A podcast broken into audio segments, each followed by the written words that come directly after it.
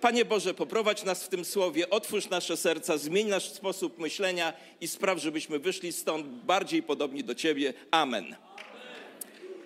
Słuchajcie, tak już jest, ja mówiłem to też na spotkaniu młodzieżowym kiedyś i, i chcę od tego zacząć. Wiecie, to, o, nauczyłem się tego z listu Jakuba, że wiedza nigdy nie równa się zmiana. Dopiero wiedza zastosowana równa się zmiana.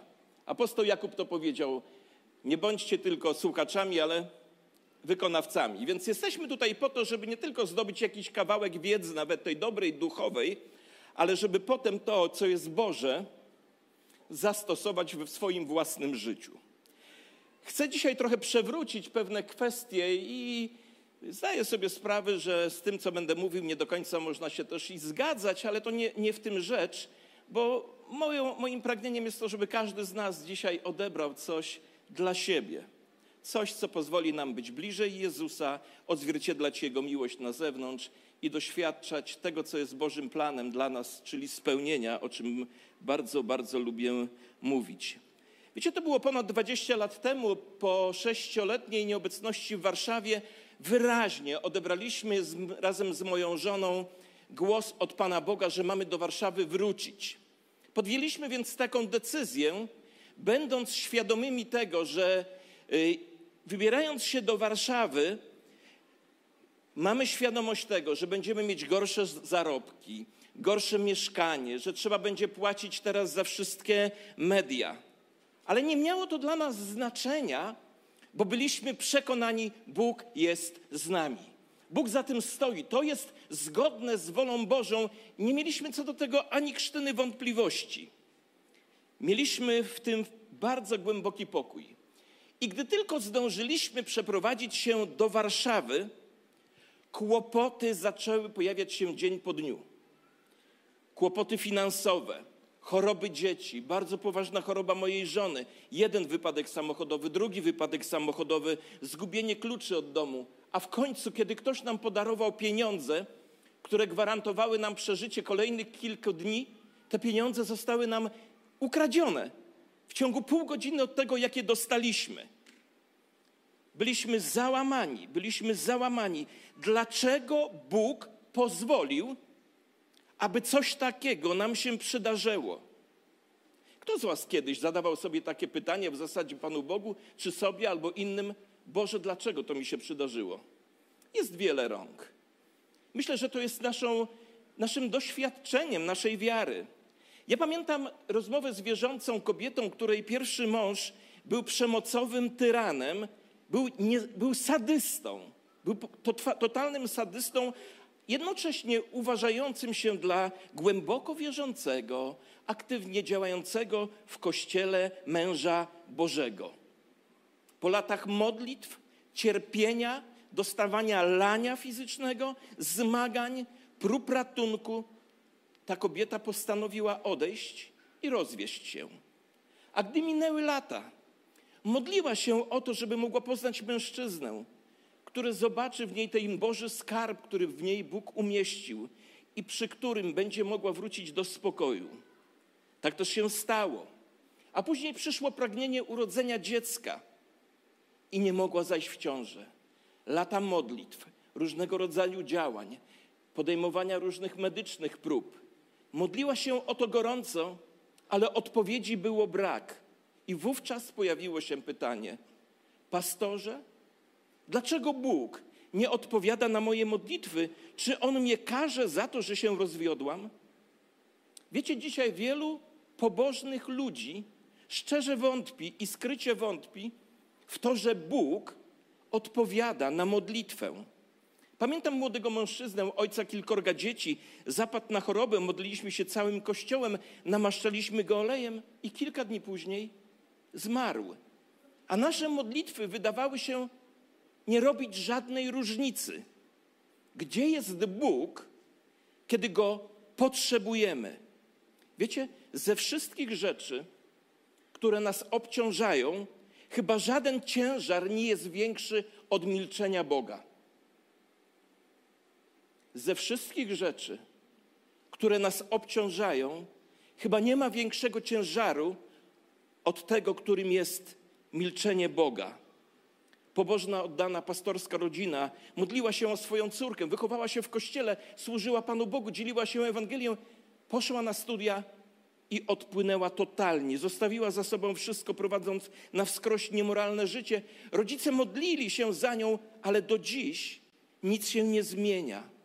Żona modli się o męża, który po 30 latach małżeństwa zostawił jej, ją dla młodszej kobiety. Modli się, a odpowiedzi brak. Mąż modli się o żonę, która ma złośliwego raka. Młody człowiek modli się żarliwie o, o uwolnienie z pokus seksualnych, ale walka się nie kończy i ma wrażenie, że im więcej się modli, tym pokusy są jeszcze większe. Mieliście takie doświadczenia? W takich chwilach najbardziej do mnie przynajmniej przemawiają słowa Psalmu 10, wiersz pierwszy.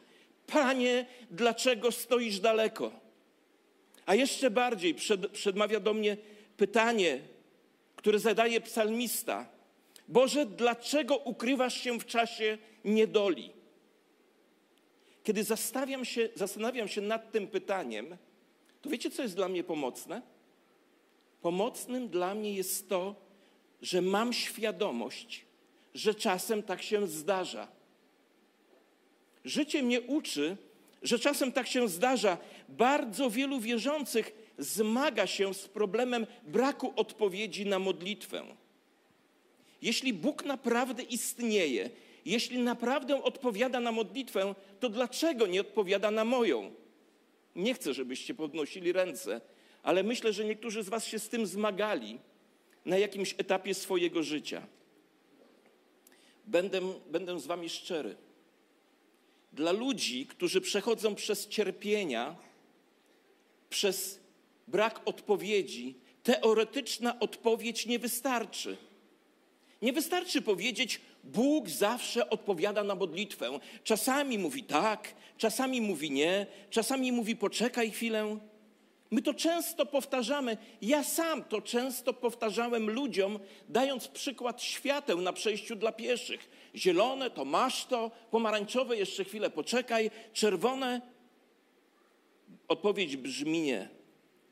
To wprawdzie brzmi pięknie, ale w chwilach bólu, życiowych rozterek, ciężarów życiowych, to brzmi powierzchownie, gdy komuś mówimy, komuś, kto woła do Boga z dołu rozpaczy, a niebo milczy.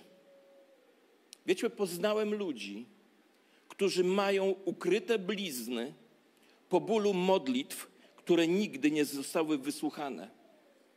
Pamiętają czasy, kiedy modlili się. Modlili się gorliwie, wypowiadali wszystkie właściwe słowa z właściwymi motywami. Prosili nawet przyjaciół, aby do tej modlitwy dołączyli, głęboko wierząc, że tylko Bóg może im pomóc i co? I nic. Ale przesłanie na niedzielny poranek. Ale teraz zadam pytanie takie szczere. Nie rozglądajcie się. Kto z Was czuje, że już tego potrzebuje? Takiego przesłania. Nie krępujcie się. Jest wiele rąk. Jest wiele rąk. Wiecie, nie mówimy o tym problemie zbyt często. Traktujemy go trochę jako problem tabu, ponieważ boimy się, że jeśli przyznamy się do tego, że nasze modlitwy nie zawsze są wysłuchiwane, spowoduje to, że niektórzy stracą wiarę. I rzeczywiście w niektórych przypadkach tak się właśnie stało. Wielu dobrych, pobożnych ludzi skrycie wątpi w to, że Bóg odpowiada na modlitwę.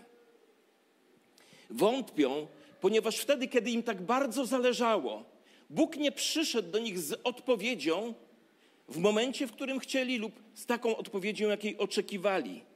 Tak więc w ich sercu spoczywa głębokie rozczarowanie Panem Bogiem. Nie wiem, czy zdajecie sobie sprawę, ale Biblia jest pełna historii mężczyzn i kobiet, którzy modlili się do Boga w momencie kryzysu, a Bóg czasem a może tak powiem, a Bóg czasem z powodów wyjaśnionych, a jeszcze częściej z powodów niewyjaśnionych, nie odpowiedział na ich modlitwy. Nie słyszymy zbyt wiele o tym, ponieważ skupiamy się na wspaniałych odpowiedziach, które nadeszły w samą porę. Większość z nas wolałaby usłyszeć relację o rozstąpieniu się Morza Czerwonego, niż relację, w której apostoł Paweł mówi: Chorego Trofima zostawiłem w domu. Wiecie, to będzie objawienie na skalę światową. Cuda, które się wydarzyły, są bardziej zachęcające niż opowieści o cudach, które się prawie wydarzyły. Kiedy przeglądam Biblię, to powiem Wam osobiście, nie znajduję bardziej zachęcającej historii o modlitwie bez odpowiedzi, która by mnie zachęcała bardziej niż o, o niewysłuchanej modlitwie, jaką zaniósł apostoł Paweł, a która jest opisana w drugim liście do Koryntian w dwunastym wierszu. Wiecie, w tym fragmencie Paweł, choć niektórzy w to wątpią, że to o niego chodzi, zwierza się, że 14 lat wcześniej został pochwycony do nieba i widział rzeczy, których każdy, żaden śmiertelnik nigdy wcześniej nie widział. Niektórzy mówią, że Paweł mówił o kimś innym. Ale jak gdy czytam, myślę, że to jest jego świadectwo. To było największe doświadczenie jego życia i nigdy nie zapomniał o tym, jak to było. Ale kiedy to piękne, cudowne doświadczenie, takiego pięknego uniesienia się skończyło, Pawłowi przydarzyło się coś, co zmieniło jego spojrzenie na życie. I posłuchajcie teraz tego. Dlatego, by uchronić mnie przed pychą. Ja myślę, że przed pychą związaną z jego nadzwyczajnymi objawieniami. Wbito mi w ciało kolec. To jakby anioł szatana zesłany, by mnie upokarzać, żebym się nie wynosił. Wiecie, badacze są, Biblii są podzieleni co do tego, co oznacza ten tekst. Niektórzy sugerują, że cierniem był sprzeciw, jaki Paweł otrzymywał od swoich żydowskich przeciwników. Inni sugerują, że to był jakiś rodzaj opresji demonicznej. Jeszcze inni mówią, że to była dolegliwość fizyczna, która w jakiś sposób kaleczyła Pawła i ograniczała jego skuteczność. Jeszcze inni mówią, że był to problem ze wzrokiem, gdy go porażyła światłość podczas osobistego spotkania z Jezusem. W pewnym sensie to nie ma większego znaczenia. Najważniejsze jest to, że Paweł modlił się do Boga o usunięcie ciernia w jego ciele, aby mógł kontynuować owocną służbę. W rzeczywistości modlił się nie raz, ale trzy razy i za każdym razem Bóg mu odmawiał. W tej sprawie trzy razy prosiłem Pana, aby zabrał go ode mnie. Czy możecie to sobie wyobrazić? Apostoł Paweł, pra, prawdopodobnie największy chrześcijanin, jakiego nosiła ziemia, który wprowadził chrześcijaństwo do Europy, człowiek, który napisał większą część Nowego Testamentu, kiedy się modlił o poważną sprawę w swoim życiu, odkrył, że Bóg nie odpowiedział na jego modlitwy tak, jak on by chciał. Trzy razy Bóg odpowiedział Pawłowi nie. Trudno w to uwierzyć, bo wiemy, że Paweł był człowiekiem modlitwy.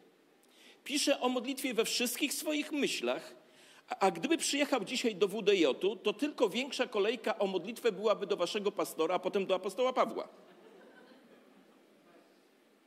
A tutaj mamy wyraźny przypadek jego własnego doświadczenia, opisany jego własnymi słowami, kiedy w desperacki sposób błagał Boga raz po raz, wszechmogącego Boga, aby odpowiedział na jego bardzo konkretną modlitewną prośbę, ale Bóg mu odmówił. Powiem Wam szczerze, że dla mnie osobiście ta historia zawiera ogromną zachętę oraz kilka bardzo ważnych zasad. I teraz trzy pierwsze zasady. Zasada pierwsza. Modlitwa bez odpowiedzi czasem zdarza się nawet najlepszym chrześcijanom. To jest zasada pierwsza. Modlitwa bez odpowiedzi zdarza się czasem największym i najlepszym chrześcijanom. Z ludzkiego, druga zasada. Z ludzkiego punktu widzenia modlitwa bez odpowiedzi jest niewytłumaczalna. Z ludzkiego punktu widzenia modlitwa bez odpowiedzi najczęściej jest niewytłumaczalna. I trzecia zasada. Bóg ma na pewno jakiś wyższy cel, gdy nasze modlitwy pozostawia bez odpowiedzi. To są trzy ważne zasady. W przypadku apostoła Pawła on nie przestawał się modlić aż do momentu, kiedy Bóg mu dał wyjaśnienie. Wystarczy ci moja łaska. A wiecie, jaka jest najprostsza definicja łaski? Łaska jest tym wszystkim, co masz od Boga, aby stać się tym, kim Bóg chce, żebyś się stał. To jest dla mnie najprostsza definicja łaski. Nie wiem, czy wam opowiadałem o tym, jak chciałem mojego syna, kiedyś chyba to opowiadałem, jak chciałem mojego syna nauczyć trzech teologicznych pojęć. Miłosierdzie, sprawiedliwość i łaska. Modliłem się o to i teraz historia, ja jestem pedagogiem, to jest historia pedagoga, który popełnia błędy pedagogiczne. Chciałem nauczyć mojego syna trzech pojęć: miłosierdzie, sprawiedliwość i łaska. Wiedziałem, że miłosierdzie to jest nie danie tego, na co człowiek zasłużył. Zasłużyliśmy na śmierć, nie dostaliśmy. To jest miłosierdzie. Sprawiedliwość to jest danie komuś tego, na co zasłużył. Zasłużyliśmy na śmierć z powodu naszych grzechów. Gdybyśmy dostali śmierć, to by była sprawiedliwość, ale ta sprawiedliwość została okazana w Jezusie. A łaska jest zdaniem tego, na co myśmy nie zasłużyli. Dostaliśmy w prezencie jeszcze wieczność z Bogiem. I chciałem mojemu synowi to wytłumaczyć, jak nauczyć dziecko kilkuletnie, będące w szkole podstawowej, tych trzech terminów. No i któregoś razu podróżuję z moim synem samochodem i z moją córką, a syn mówi do mnie: Tata, jedziemy do dechatlonu po buciki sportowe. Nie wiem, to była jakaś pierwsza, druga klasa podstawówki. Ja mówię, dobrze, pojedziemy, tylko najpierw pojedziemy do drukarni po ulotki. Nie pojedziemy po ulotki! Jedziemy do dechatlonu po buciki. Zaczął tak krzyczeć w samochodzie, że mówię, Beniamin, jak nie przestaniesz, to kara za to przestępstwo, wtedy jeszcze można było, także nie aresztujcie mnie po wszystkim, będzie klapsoterapia sprowadzona do trzech uderzeń sprzętem, który podtrzymuje moje spodnie. No ale mój syn zaczął tak krzyczeć, że słuchajcie, nigdy w życiu go takim nie widziałem. Wziąłem go pod pachę i poszedłem do drukarni, odebrałem ulotki i wracałem z ulotkami i pomyślałem sobie, teraz ja ci pokażę, wytłumaczę ci teraz te trzy pojęcia. Jedziemy i mówimy, te, powiedziałem, teraz to jedziemy do domu. No i podjechaliśmy pod dom do córki, mówię, zostań w samochodzie. Poszliśmy do domu, mówię, Beniamin, Powiedziałem, że da, za to przestępstwo, którym było Twoje zachowanie, jest kara trzy klapsy paskiem w pupę. To jest, musi stać się sprawiedliwość. Trzy paski, trzy klapsy paskiem w pupę będą okazaniem sprawiedliwości. Rozumiesz? To teraz masz wybór. Albo ty mnie, albo ja ciebie. Ale mądry tatuś. Chciałem go coś nauczyć o ofierze zastępczej. I mój Beniamin siedzi i myśli, i myśli, i w pewnym momencie mówi do mnie tak: Tato, idź po Martę, czyli po naszą córkę.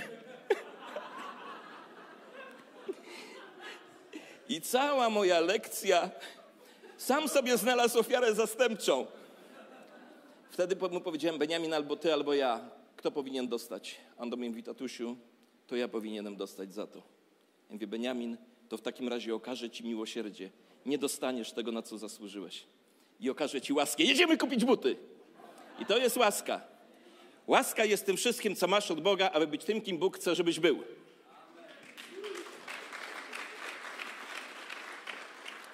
Słuchajcie, i właśnie to tak jest, że czasami nasze modlitwy nie zostają wysłuchane, ponieważ Bóg może coś zrobić więcej w nas i poprzez nas, nie odpowiadając na modlitwy, niż na nie odpowiadając. Czasami Boże nie jest lepsze niż Jego tak. Pomyśl o tym w ten sposób, co by się stało, gdyby Bóg odpowiedział na wszystkie Twoje modlitwy przez cały czas w dokładnie taki sposób, jak się modliłeś. Ja bym nie chciał, bo ja się najczęściej modliłem, jak byłem jeszcze w stanie wolnym o żonę i miałem upatrzone i się modliłem. Dzisiaj z perspektywy czasu jestem wdzięczny, że Bóg nie odpowiedział na te modlitwy tak, jakbym chciał. A do żony mówię, wiesz, czasami mam wrażenie, że za krótko jednak pościłem. Ale to taka, wiesz, ja taki jestem po prostu, ja muszę wprowadzić taki element yy, rozkoszy w życiu. Co by to było, gdyby Bóg dokładnie odpowiadał na Twoje modlitwy tak, jak tego oczekujesz? Odpowiedz sobie na pytanie, czy by to spowodowało duchową dojrzałość w Twoim życiu? Myślę, że nie. Posłuchajcie tego uważnie.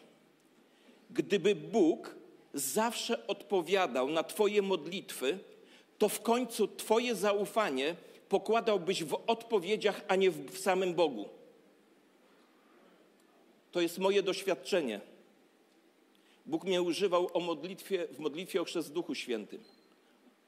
I w pewnym momencie za, zacząłem wierzyć w technikę, a nie w Boga, który chrzci Duchem Świętym.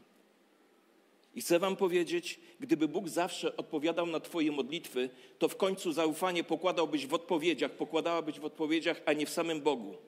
A kiedy Bóg mówi nie, to my musimy zdecydować, czy nadal będziemy ufać tylko Jemu bez możliwości oparcia się na odpowiedziach na modlitwę. Czujecie temat? Będziemy musieli sobie odpowiedzieć na pytanie, czy będziemy ufać Jemu, czy opierać się w odpowiedziach na modlitwę. Nie zrozumcie mnie źle. Odpowiedź na modlitwę jest, jest wspaniała i gdyby Bóg nie odpowiadał na żadne z naszych modlitw i żadna z naszych modlitw nie zostałaby wysłuchana, to prawdopodobnie przestalibyśmy się modlić. Ale, ale gdyby wszystkie nasze modlitwy były wysłuchane, w końcu zaczęlibyśmy brać Boga i Jego odpowiedzi tak, jak chcemy za pewnik. Modlitwa bez odpowiedzi, jestem w tym ostrożny, zmusza nas do zaufania Bogu. Ale kiedy to robimy, to tylko On otrzymuje chwałę, ponieważ to Jego siła staje się doskonała w tej naszej słabości. Stąd apostoł Paweł modlił się, z tym większą przyjemnością będą się szczycił ze słabości, tak właśnie chcę, by dzięki temu zamieszkała we mnie moc Chrystusowa. Wiecie, ja jestem między innymi z wykształcenia, jeszcze przed pedagogiką skończyłem bardzo ważną szkołę dla mojego życia, technikum rolnicze. I nauczyłem się wiele o roślinach, które wzrastają, ale gdy patrzę na życie ludzkie, to mam wrażenie, że najlepiej wzrastamy w ciemności.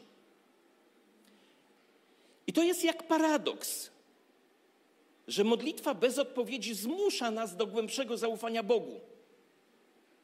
Prawda jest taka, że to trudne doświadczenia uczą nas, co, o, y, uczą nas o tym, co tak naprawdę chodzi, o co tak naprawdę wchodzi w życiu. Zauważyliście to? Że dopiero trudne wydarzenia uczą nas, o co chodzi w życiu? To właśnie mówi apostoł Paweł.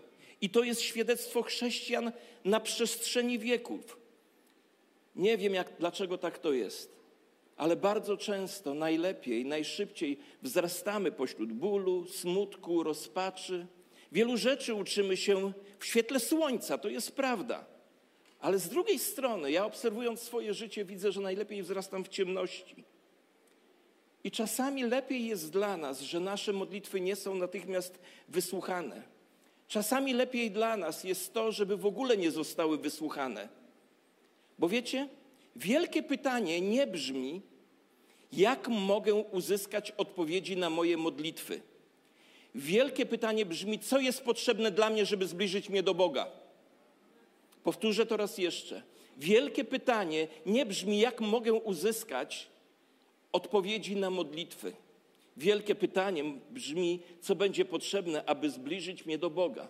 Ja nie neguję tego poprzedniego ale tak już w życiu, w życiu jest. I to prowadzi mi do konkluzji. Czasami jest tak w naszym życiu, że nasze modlitwy pozostaną bez odpowiedzi. I jeśli nie przyznasz się do tego faktu i nie poradzisz sobie z nim jako chrześcijanin, to prawdopodobnie całkowicie zrezygnujesz z modlitwy. Co gorsza, czasami nasze modlitwy z prawych pobudek, z czystych serc, wydają się nic nie osiągnąć, tak jakby niebo zamilkło. Ale prawda jest taka, że Bóg słyszy każdą modlitwę nawet tą, na którą nie chcę odpowiedzieć. Prawda jest taka, że Bóg słyszy każdą modlitwę, nawet taką, na którą nam nie odpowiada. Żadna modlitwa nie jest całkowicie zmarnowana, ponieważ nawet modlitwa bez odpowiedzi może być wykorzystana przez Boga, aby nas przyciągnąć do Niego. I w takim przypadku możemy nawet paradoksalnie powiedzieć, że lepiej było, aby nasze modlitwy pozostały bez odpowiedzi, jeśli one nas pociągają do Boga. Te braki odpowiedzi. I myślę, że ostatecznie rozwiązanie leży gdzieś w takim stwierdzeniu. Kiedy się modlimy, mamy tendencję, ja mam przynajmniej, nie wiem, czy będziecie ze mną zgodni, ja mam taką tendencję, że kiedy się modlę, to mam tendencję do skupiania się wyłącznie na odpowiedzi. Ale odkryłem, że Bóg chce, abym skupił się na nim. Powtórzę teraz jeszcze. Kiedy się modlimy, mamy tendencję skupienia się na odpowiedzi, a Bóg chce, żebyśmy skupili się na nim. I to, co nam. Dzięki bardzo. To, co nam w tym pomoże, jest tym, czego tak najbardziej potrzebujemy. To takie zawiłe zdanie. I czasami to oznacza, że nasze modlitwy zostaną wysłuchane w niesamowity i cudowny sposób. Innym razem nasze modlitwy nie zostaną wysłuchane. My, ma, my skupiamy się na odpowiedziach, a Bóg chce, abyśmy skupili się na Nim. Pamiętacie doświadczenie Hioba? Stracił dom, majątek, dzieci, zdrowie, reputację. Wszystko, co mu było drogie, zostało mu odebrane. Kiedy w końcu dotknął samego dna, był rozgoryczony, zły i pragnący śmierci, wypowiedział piękne słowa wiary: Choćby mnie zabił, to ja będę mu ufał. To tak, jakby mówił do Boga: Możesz mi odebrać życie, ale nie sprawisz, żebym przestał ci ufać. To jest tak, jak młodzieńcy w piecu ognistym. Podobna historia. Hiob nie był zadowolony z tego, co Bóg mu zrobił. Pod jego gniewem krył się ogromny ból, ale pod tym ogromnym bólem kryła się fundamentalna wiara w Boga. Zupełnie tego nie rozumiem, co mnie spotyka, ale trzymam się Ciebie, Panie, i nie zamierzam Ciebie puścić. To jest miejsce, do którego Bóg chce nas doprowadzić. Bo ja dzisiaj mówię o wierze, o ufności, o zaufaniu. To jest to miejsce, do którego Bóg chce nas zaprowadzić. I wiecie, czasami taka modlitwa bez odpowiedzi jest sposobem, aby nas tam zaprowadzić, do tego miejsca zaufania. Ale gdy już powiedziałem to wszystko, to, to by było bez znaczenia, gdybym nie powiedział o tym, jak reagować, gdy modląc się, mamy wrażenie, że Bóg nie odpowiada. Co robić, gdy nasze modlitwy są niewysłuchane? Mam trzy propozycje. Pierwsza propozycja: módl się tak długo, jak tylko możesz. Czasami Boże odpowiedzi są opóźnione z powodów, których, które są poza, poza naszą wiedzą. Ja od czasu do czasu, nie wiem jak, jak wy, słyszę historie ludzi o tym, jak modlili się o ukochaną osobę dziesiątki lat, zanim w końcu nadeszła odpowiedź.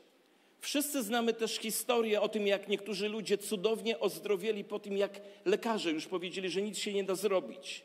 Więc módl się, módl się i się nie poddawaj. Pewna kobieta modliła się o swojego, o zbawienie swojego męża, słuchajcie, 59 lat. Po 59 latach modlitwy nawrócił się do Chrystusa. Kilka lat później, trzy chyba lata później zmarł, a ja sobie pomyślałem, a co by to było, gdyby przestała się modlić w 57. rocznicę ich ślubu?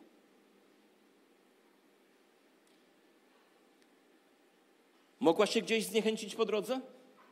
Oczywiście, że tak. Co by było, gdyby się przestała modlić po latach, nie wiemy. Ale więc ty się módl, módl i się nigdy nie poddawaj, a modląc się nie wstydź się błagać Boga o cud. Kto wie, bo możesz być zaskoczony, że w końcu po tym, jak porzuciłeś nadzieję, Bóg rusza z nieba, aby odpowiedzieć na Twoją modlitwę w taki sposób, który Ciebie zaskoczy i nawet nie marzyłeś o tym, że taki sposób odpowiedzi jest możliwy. Więc pierwsza rzecz, módl się, módl się i nie ustawaj. Druga rzecz, bardzo trudna dla nas chrześcijan, ale powiem Wam, ona była dla mnie uwalniająca. Daj Bogu prawo powiedzieć nie na Twoje modlitwy. Daj Bogu prawo powiedzieć nie, bo jeśli nigdy nie uznasz, że, mógł, że Bóg ma prawo powiedzieć ci nie, to za jakiś czas będziesz wypełniony gniewem, frustracją i rozpaczą. Walka z Bożym prawem do powiedzenia ci nie jest walką z samym Bogiem i tu jesteś na pozycji przegranej, bo z nim jeszcze nigdy nikt nie wygrał. O wiele mądrzej jest powiedzieć: Panie, modlę się z tą, tą modlitwą z głębi serca, ale nawet w trakcie tej modlitwy wyznaję, że masz prawo powiedzieć nie, jeśli jest to najlepsze z Twojej perspektywy. Ja wiem, bo ja jestem też wyuczony na pewnej teologii. Jestem ją przesączony, ale powiem Wam, dla mnie to było uwalniające, gdy odkryłem, jak to jest potężna modlitwa wiary. Bo ta modlitwa uważa Boże za odpowiedzi za najlepsze, co może nas spotkać. Będziesz w dobrze spał w nocy, gdy nauczysz się tak modlić. Po prostu pozwól być Bogiem w Twoim życiu. Wiecie, dla mnie takim przykładem modlitwy, i gdy kiedyś to powiedziałem, zostałem posądzony, że głoszę przeciwko wierze, ale dla mnie takim przykładem modlitwy jest modlitwa Pana Jezusa Chrystusa w ogrodzie Getsemane. Pamiętacie trzy elementy tej modlitwy? Tam jest więcej. Po pierwsze, Ojcze, Abba, Ty jesteś moim tatą. Ty mnie kochasz absolutną miłością. I jesteś do tego, jest, mało, że jesteś moim tatą, to jesteś wszechmocny. Więc chcę Cię prosić o to, o to i o to. Ale prosząc Cię o te rzeczy, jestem gotów na przyjęcie tego, co Ty uważasz za najlepsze. I ja wiem, że czasami może to wyglądać tak, jak takie, wiecie, odwalenie modlitwy i powiedzenie, niech się dzieje wola nieba, z nią się zawsze zgadzać trzeba. Ja o tym nie mówię. Ja mówię o kimś, kto ma świadomość. Bóg jest moim tatą. Kocha mnie absolutną miłością. Jest wszechmocnym. Więc mogę go poprosić o cokolwiek, ale moja wiara i zaufanie do Niego przyjmie każdą Jego odpowiedź na to, co ja do Niego wnoszę. Nie chcę dalej się posunąć w tym, bo nie chcę zburzyć Waszych podstaw, ale mnie, dla mnie to było uwalniające. I wierzę, że jeśli Jezus potrzebował modlić się w taki sposób, to my także potrzebujemy. Więc pozwól Bogu być Bogiem w Twoim życiu i daj Mu prawo, do powiedzenia nie. I trzecia rzecz. I to jest, to, tą trzecią rzeczą dzielę się z wami z mojego pasterskiego serca, ale w zasadzie modlę się z wami, dzielę się z wami z mojego prywatnego doświadczenia. Po pierwsze, módl się, módl się, módl się i nie ustawaj. Po drugie, daj Bogu prawo powiedzieć nie. I po trzecie, rób dalej, nawet jak Bóg nie odpowiada, rób dalej to, co z Bożego Słowa wiesz, że jest słuszne. Rób dalej to, co wiesz z Bożego Słowa, że jest słuszne. Bo wiesz, jeśli jesteś, jesteście podobni do mnie, to w ciemności, podczas gdy nie ma w ciemności modlitwy bez odpowiedzi, ja osobiście mam pokusę, żeby zrezygnować z Pana Boga. Mam pokusę, żeby sobie odpuścić. Mam pokusę, żeby troszeczkę pójść na kompromis. Mam pokusę, by sobie obejrzeć coś, czego bym nie obejrzał normalnie. Mam pokusę, by zrobić jakieś ustępstwo, którego bym inaczej nie zrobił. Nie wiem, czy jesteście podobni do mnie, ale ja w czasach, gdy Bóg wydaje się milczeć, mam tendencję do tego, żeby zrezygnować z Boga. Aż sobie zadałem pytanie – jeśli w momencie, gdy nie słyszę odpowiedzi, jeśli w momencie, gdy niebo wydaje się być zasłonięte ciemną zasłoną, co mi to da, jakaż korzyść z tego wyniknie, że sobie odpuszczę Pana Boga? Jaka korzyść z tego wyniknie? Jeśli odwrócisz się od Pana Boga, kiedy On wydaje się milczeć, to gdzie pójdziesz? Nadal się módl, nadal wierz, nadal czytaj Biblię, nadal bądź posłuszny, nadal naśladuj Pana Jezusa, bo posłuchaj tego uważnie. Jeśli pozostaniesz na właściwym kursie w czasie ciemności, to w końcu zobaczysz światło i nie będzie to pociąg nadjeżdżający z przeciwka, tylko będzie to światłość Bożej obecności.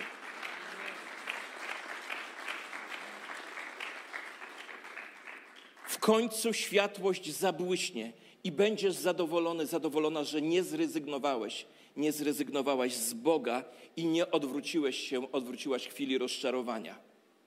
A potem, kiedy w końcu dotrzemy do nieba i spojrzymy wstecz na naszą drogę z życia, to zobaczymy, że przez wszystkie te zakręty, przez wszystkie te objazdy, Bóg nigdy nie popełnił ani jednego błędu. Bo taki jest Bóg. I teraz widzimy słabo, gdy maszerujemy przez życie. Ale kiedy nadejdzie dzień Bożej, Bożego naszego spotkania z Panem Bogiem, światło nas otoczy, staniemy w obecności Jezusa, który nas umiłował. A teraz? Tak naprawdę teraz to idziemy w półmroku. Widząc tylko, że niektóre z naszych modlitw będą wysłuchiwane.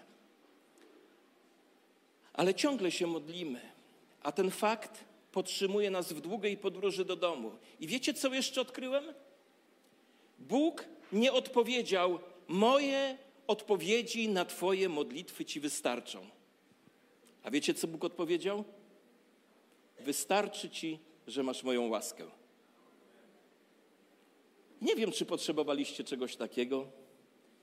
Nawet się boję, bo nie wiem, czy się pastor zgadza z moimi tutaj przekonaniami teologicznymi. Wiecie, wyprostujemy, ja też tak robię w kościele. Ja nawet niektórych gości zagranicznych ja tłumaczę.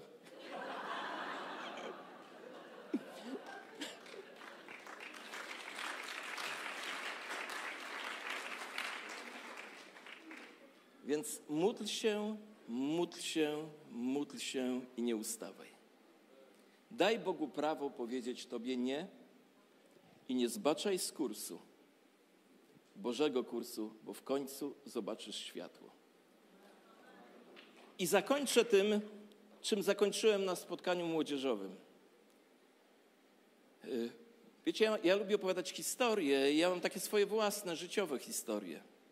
Jedną z nich jest to, że kiedy byłem małym chłopcem, to było w przedszkolu, mój tata zaprosił, zaprosił zrobił mi frajdę wieczorem. Zabrał mnie na przejażdżkę motocyklem. Wjechaliśmy do lasu, jechaliśmy taką polną drogą przez las. Było pięknie, tata przyjeżdżał przez korzenie, które przez tą drogę przechodziły. Mi się bardzo to podobało, czasami y, koło zabuksowało w piasku. Ja to widzę, zamykam oczy i to widzę. I coraz bardziej robiło się ciemno, bo to już był wieczór. Wiecie, ja nie lubię ciemności. A jako dziecko to bałem się ciemności. I w pewnym momencie, kiedy już było ciemno i byliśmy daleko od domu, motocykl się popsuł. I wiecie, do dzisiaj to pamiętam, co pomyślałem w swoim sercu. A wiecie, co pomyślałem? Młodzież wie. I tak dojadę do domu, bo mój tatuś jest tutaj ze mną. Twój tatuś jest ciągle z tobą. I tak dojedziesz do domu, jeśli on siedzi za kierownicą twojego motocykla. Czy motocyklu? Motocykla. Wszystko jedno. Na pewno nie motoru, bo mnie już nauczyli. Za kierownicą twojego motocykla.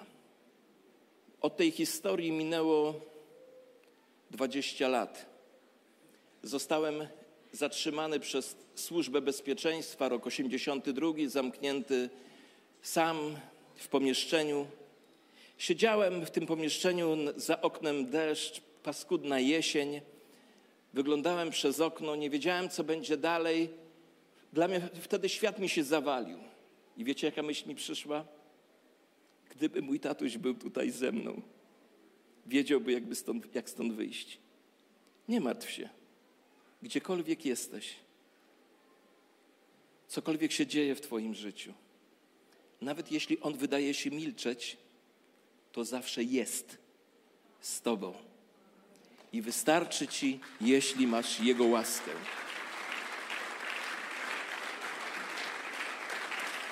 Przebudzony Wrocław.